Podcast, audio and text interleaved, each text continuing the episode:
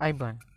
අද මේ ආපහුවතාවක් ඉන්දියාවේ දේශපාලනය ගැන කතා කරන්න අදහසක් ඇති වුණා. ඇත්තටම මේ ඉන්දියාව දේශපාලනය ගැන කිව්වට මේක ඇත්තටම ලෝක ඕනම දේශපාලනයකට ඕනම රටක සාමාන්‍ය ප්‍රජාතන්ත්‍රවාදී මැතිවරණ ක්‍රම තියෙන ඕනම රටකට අදාළ වෙන කතාවක් තමයි ඇත්තටම මේ නමුත් මේ මේ කතාව මම ළඟදී ඇහුවේ ඇත්තටම ඉන්දියාව මූලික කරගෙන. එනිසා තමයි මම මේ ඉන්දියාව දේශපාලනයට ආදේශ කරලා ගැන කතා කරන්න කල්පනා කරේ. ඉන්දියාවේ දේශපාලන විශ්ලේෂකයෙක් ඉන්නවා සුජෙත් නයාර් කියලා. ඔහු ළඟදී ඔහු ඔහුගේ ප්‍රෝග්‍රම එකත් තියෙනවා YouTube එක අප්ලෝඩ් කරන ද එඩිටෝරියල් කියලා. මේ ප්‍රෝග්‍රම එකේ ළඟදී ඔහු කතා කර මමතා බැනර්ජි ගැන. පහුගේ දවස්සල ඇතරම මේ සුචිත් නයාර් ටිකක් මමතා බැනර්ජී ජාතික මට්ට මේ නායකෙක් බවට පත්වීම වගේ දෙයක් ගැන පොඩි ධනාත්මක දේවල් එහෙම් මෙහෙන් කියපු කෙනෙක්. නමුත් මේ ඊය පෙරේද ඔහු ඉදිරිපත් කරපු තර්කය ටිකක් වෙනස් කතාවක්. ඒ කතාවේ යම්කිසි සත්‍යතාවයක් තියෙනවයි කියන එක හිතිච්ච නිසා තමයි ඒ ගැන කියන්න හිතුවේ.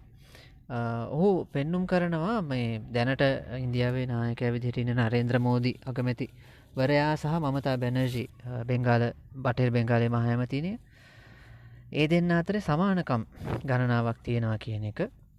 ඒ ඇන්නේ ගොළන්ගේ දේශපාලනය ගත්තම ගොළන් ප්‍රවීණ දේශපාලකව වගේම බොහොම පොඩි තැනක ඉඳං ආපු කට්ටිය නායකත්වයේ කාලයක් හිටපු අය වෙන වෙන හැකියාවන් දස්කම් පෙන්නුම් කරලා තියෙන කට්ටිය. ඊළඟට සාමාන්‍යෙන් ගත්තම ඒ දෙන්නගෙම මේ පවුල් ජීවිත කියල එහෙම දේවල් නැහැ. ඔවුන් වැඩ සහ දේශපාලනය තමයි ඔවුන්ගේ ඇගේ තියෙන්නේ. මෝදී බැනර්ජි දෙන්නම. ඔය වගේ කාරණ කීපයක් ඉදිරිපත් කරලා හු හරි ලස්සන තර්කයක් ගෙනවා. හු කියනවා දැන් මෝදිට විකල්පයක් විදිහට දැන් පහුගේ දවසල යම් යම් කතා බහක් ඇති වුණා. රාහුල් ගාන්ධි වෙනුවට මමතා බැනර්ජි හෝ වෙනත් කෙනෙක් ඉන්දියාවේ විපක්ෂයේ පොදු අපේක්ෂකය වගේ වෙන්න පුළුවන් කියලා යම් යම් කතා බහක් සිද්ධ වුණ. ඒ ඒ පසු බිමේ තමයි කියන්නේ මෝදි වෙනුවට මෝදි වගේ තව කෙනෙක් ගේන එක තේරුමක් නැහැ කියන කතාව. කියන්නේ මෝදි වෙනුවට විකල්පයක් වෙන්න නම් මෝදිට වඩා වෙනස් චරිතයක් වෙන්න ඕනි කියන එක.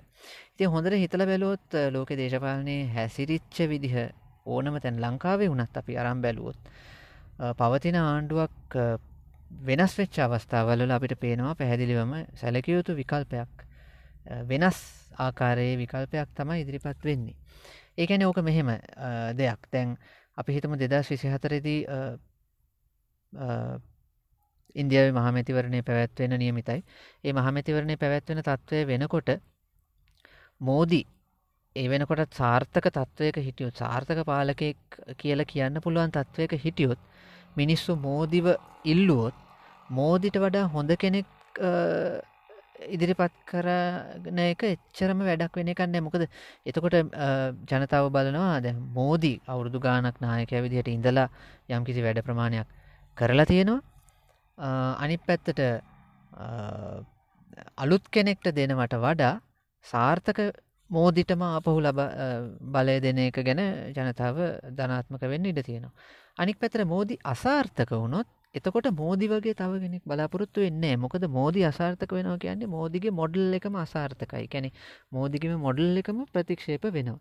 එහෙම උනෝතින් මිනිස්සු එතකොට ඉල්ලන්නේ මෝදි වගේ කෙනෙක් නෙමේ එතකොට ඉල්ලන්නේ මෝදිට වඩා වෙනස් කෙනෙක්. ඉතින් දැන් දෙදස් විසිහතර වෙදදි මෝදි සාර්ථක පාලකයගේ තත්වේ හිටියොත් මිනිස්සු මෝදිවිට ආපහු බලය දෙයි. මෝදි අසාර්ථක පාලකෙක් වෙලා තිබ්බොත් එහෙම එහෙම නැත්තං ඒ යම්කිසි අසාර්ථකත්වයක් පෙන්වන්න විපක්ෂයට පුළන් වුණොත් මෝදි වගේ කෙනෙක්ව නෙමෙයි බලාපොරොත්තු වෙන්නේ වෙනස් කෙනෙක්ව. ඉතිං දැන් ඕක ඔය විදිහට හිතල බැලුවම අපිට පේනවා මේ නෑ මමතා බැනර්ජි නෙමෙයි ඇත්තටම කියලා මේ අපි බලාපොරොත්තු වෙන එක ඉන්දියාවේ මෝදිට විරුද්ධ පාර්ශවය බලාපොරොත්තු වෙන අපේක්ෂකයා එතකොට ඒ අපේක්ෂක කවරු වෙන්න ඕනද කියන ගැන ඇතරම දැන්විදලම ලොක කතා බහත්තියනවා ඒකට හේතු වෙලා තියෙනවා. මහිතන අපි මේ ගැන මීට කලින් කතා කරලා තියෙනවා. කොංග්‍රස් පක්ෂය බොහොම දියාරු තත්ත්වයක තියෙන්නේ. ඉතිං කොංග්‍රස් පක්ෂය වෙනස් වෙන්නේ නැතිතාක්කල් මෝදිට විරුද්ධව විකල්පයක් විදිහට කවුද ඉස්රහට එන්න කියන ප්‍රශ්නයක් පැනනැගිලා තියෙනවා. ඉතිං මේ වගේ කාරණයකදී දැන් අපි දැකල තියෙනවා සමහරද අවස්ථාවල් වල. විශේෂෙන්ම පහුගේ අවුරුදු දහයක විතර කාලය ඇතුළත ඉන්දියාවේ මැතිවරණ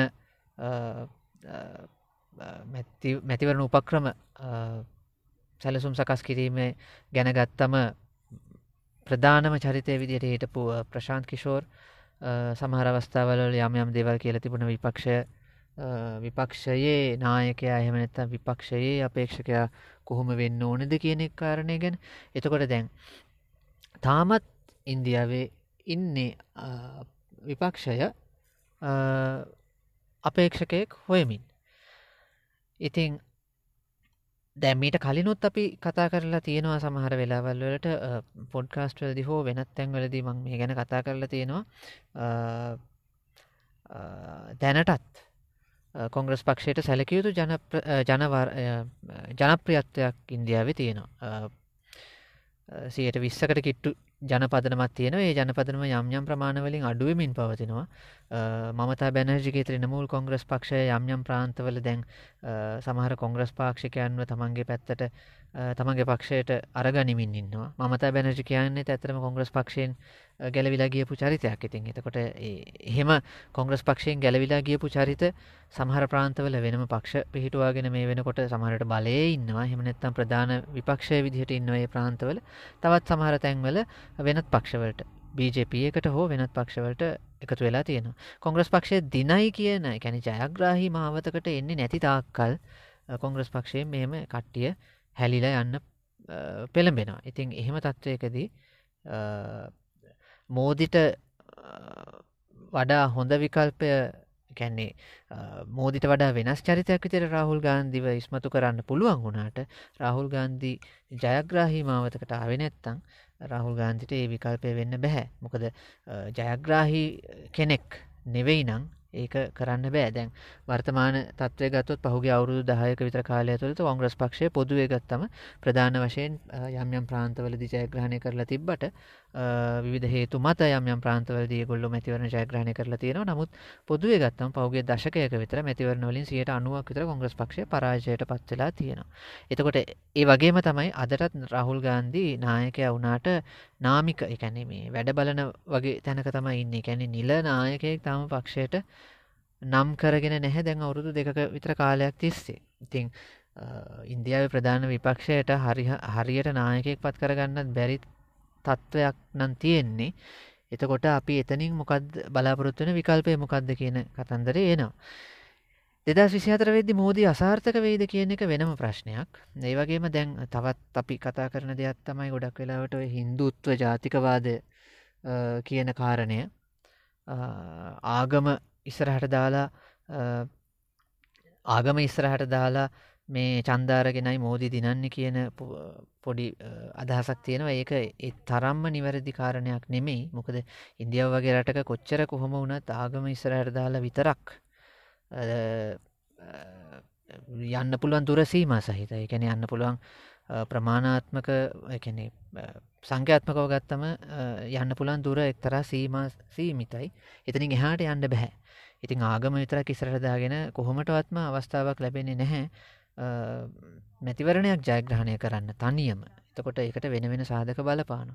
ඒකත් හොඳ උදාහරණයක් තමයි පහුගේ දවස්වල ඇතැම් අවස්ථාවල් වල මෝදිගේ ආණ්ඩුවට යම් යම් දේවල්වලදී පසුබහින්න සිද්ධ වුණා. ප්‍රධානම කාරණේ තමයි ඔය කෘෂිකර්මාන්තය සම්බන්ධව ගෙනාවු 53 අහෝසි කරගන්න සිද්ධ වෙච්ච එක ඊට අමතරව වෙන වෙන යම් යම් පසුබැසීම් මෝදිගේ ආණ්ඩුවට සිද්ධ වෙලා තියෙනවා පහුගිය කාලේ. ඒකෙන් පැහැදිලිව පේනවා මේ ආගම විතරක් ඉස්සරහට දාගෙන හැමදාම ඡන්ද දිනන්න බෑ. ඒක එක සාධකයක් විතරයි කියන එක. ඒක වැදගත් සාධකයක් තමයි. නමුත් ඒක විතරක් නෙමෙයි කියන එක. ඒතර මේ ඔක්කොම කාරණාත් එක්ක ඉන්දියාවේ ඩිමොක්‍රසි කියන එක කියන්නේ ප්‍රජාතන්ත්‍රවාදයට තියෙන ඉතිහාසයත් එක්ක ඉන්දියාව එක සීමාවකින් එහාට පල්ලහට වටන්න අමාරු ඉන්දියාව කියන රට. එක සංකීර්ණ රටක්. ප්‍රජාතන්ත්‍රවාදය ගැන ලොකු අත්දැකීම් තියෙනවා. ඇත්තටම මම පෞද්ගලික විශ්වාස කරන විදිර ලංකාවට වඩා හොඳ ප්‍රජාතන්ත්‍රවාදයක් ඉන්දියාව තියෙනවා. මොන අඩුපාඩු තිබුණ වනත් මොන නූගත්කම් තිබුණ වනත් මොන ගැටලු තිබුණ වනත් අනික හරි සංකීර්ණ රටකේ සංකීර්ණත්වය තුළින්ම තමයි ඒක ප්‍රජාතන්ත්‍රවාදය ලස්සන වෙලා තියෙන්නේ ඉතින් ඒ එක ඉගෙන ගන්න තාස හිතෙන් ඒ නිසාම තමයි ඉතින් ඔය ඔක්කොම කාරණත් එක්ක අරගෙන බැලුවම පේන්න තියෙන දේ තමයි විකල්පයක් කියන එක බලාපොරොත්තුවෙන් ඉන්දියාවේ ජනතාව සැලකිලි පිරිසක් ඉන්නවා වෙන්න පුළුවන්. හැබැයි ඒකට හරියන විකල්පයක් ඉදිරිපත් වෙන්නත් ඕනේ. මෝදි සාර්ථක වෙන තාක්කල් අද තියෙන තත්ත්වය මෝදිට ගෙනියන්න පුළුවන් වුණොත් 2024 වෙන තාක්කල් ඇතරම විකල්පයක අවශ්‍යතාවයක් මතුවෙන්නේ නැහැ. මතු වුණත් මෝදි කෙනෙක්ව නෙමෙයි මිනිස්සු එතකොට විකල්පයක් විදිහට ඉල්ලන්නේ වෙනත් කෙනෙක්. ඒ වෙනත් කෙනා හදාගන්න එක තමයි විපක්ෂය කරන්න ඕනේ කියන එක. ඉතින් මේ ගැන විවාද තියෙනවා වාද විවාද තියෙනවා කවුද විපක්ෂේ නායකයා වෙන්න ඕනේ කියන එක ගැන ඒ විවාදය මං හිතන්නේ 2024 මැතිවරණය එනකම්ම ඒ විවාදය සමහර විට ඉවර වෙන එකක් නැහැ. අපිට ඒක බලන්න පුළුවන් ඉස්සරහට ඉන්දියාවේ තියෙන සමහර ප්‍රාන්ත මැතිවරණත් එක්ක අපිට ඒ ගැන කතා කරන්න පුළුවන් වෙයි. ලබන අවුරුද්දේ මුල් මාසවල ප්‍රාන්ත මැතිවරණ කීපයක් පැවැත්වෙනවා. ඒ ගැනත් අද හෙටම පොඩි සමරි එකක් කරන්න බලාපොරොත්තු වෙනවා. කලින් 2021 ප්‍රාන්ත මැතිවරණ ගැන අපි සමරී එකක් කරා ප්‍රධාන මැතිවරණ කීපය ගැන වෙන වෙනමත් කතා කරා ඒ වගේ එකක් කරන්න බලාපොරොත්තු වෙනවා. ඉතින් අදහෙට මේ වැඩිත් කරන්න තමයි දැන් ලෑස්ති කරගෙන ඉන්නේ. එහෙනම් ඒ පොඩ්කාස්ට් එකෙන් හම්බෙනකම් අදට ගිහින් එන්න හැමෝටම සුබ දවසක්.